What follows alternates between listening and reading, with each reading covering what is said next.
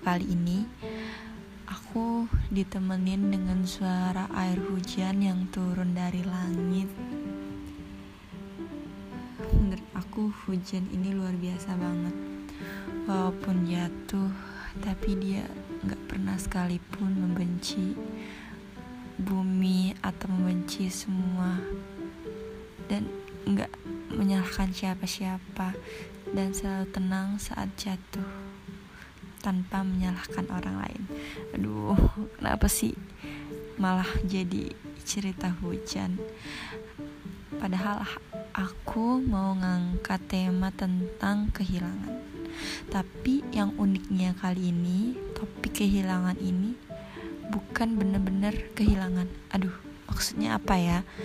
Kehilangan yang aku maksud kali ini, kehilangan yang belum sempat untuk dimiliki. Duh, pasti bakal repot banget kan.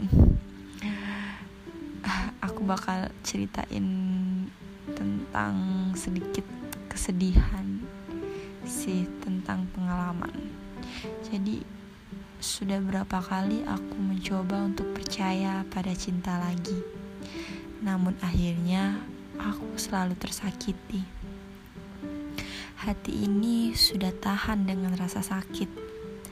Entah rasa sakit karena kehilangan orang yang paling disayang atau patah hati meski belum sempat memiliki. Pergilah, hati ini sudah terbiasa patah dan merasakan kekecewaan.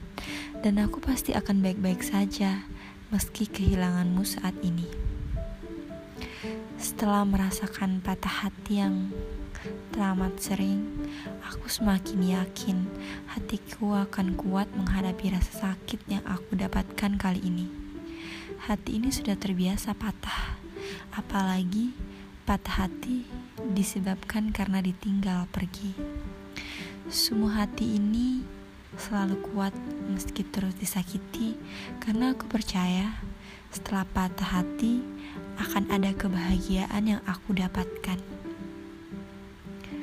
Jika boleh meminta, maka aku ingin bahagia tanpa merasakan yang namanya patah hati. Namun, inilah hidup yang tidak bisa diprediksi. Kebahagiaan serta kekecewaan ataupun patah hati harus dirasakan dan dilalui. Namanya juga hidup. Patah hati dan ditinggal pergi itu harus dirasakan dan dilalui. Setiap orang pasti pernah merasakannya. Entah kenapa aku harus merasakan ini. Sudah sangat sering. Rasanya aku ingin bertemu dengan orang yang tepat tanpa pernah sakit hati. Tapi sayangnya aku selalu terluka dan merasakannya. Patah hati walau belum sempat memiliki itu rasanya sakit sudah berharap, namun harapan itu tidak menjadi nyata. Harapan yang aku miliki terlalu tinggi, mungkin itulah yang membuatku merasa tersakiti. Mungkin aku terlalu berharap, sehingga ke depannya menjadi pelajaran berharga bagiku untuk tidak bergantung terhadap siapa pun. Kehilangan orang yang belum sempat aku miliki menjadikan aku semakin kuat dan semakin menjadi orang yang lebih tabah lagi.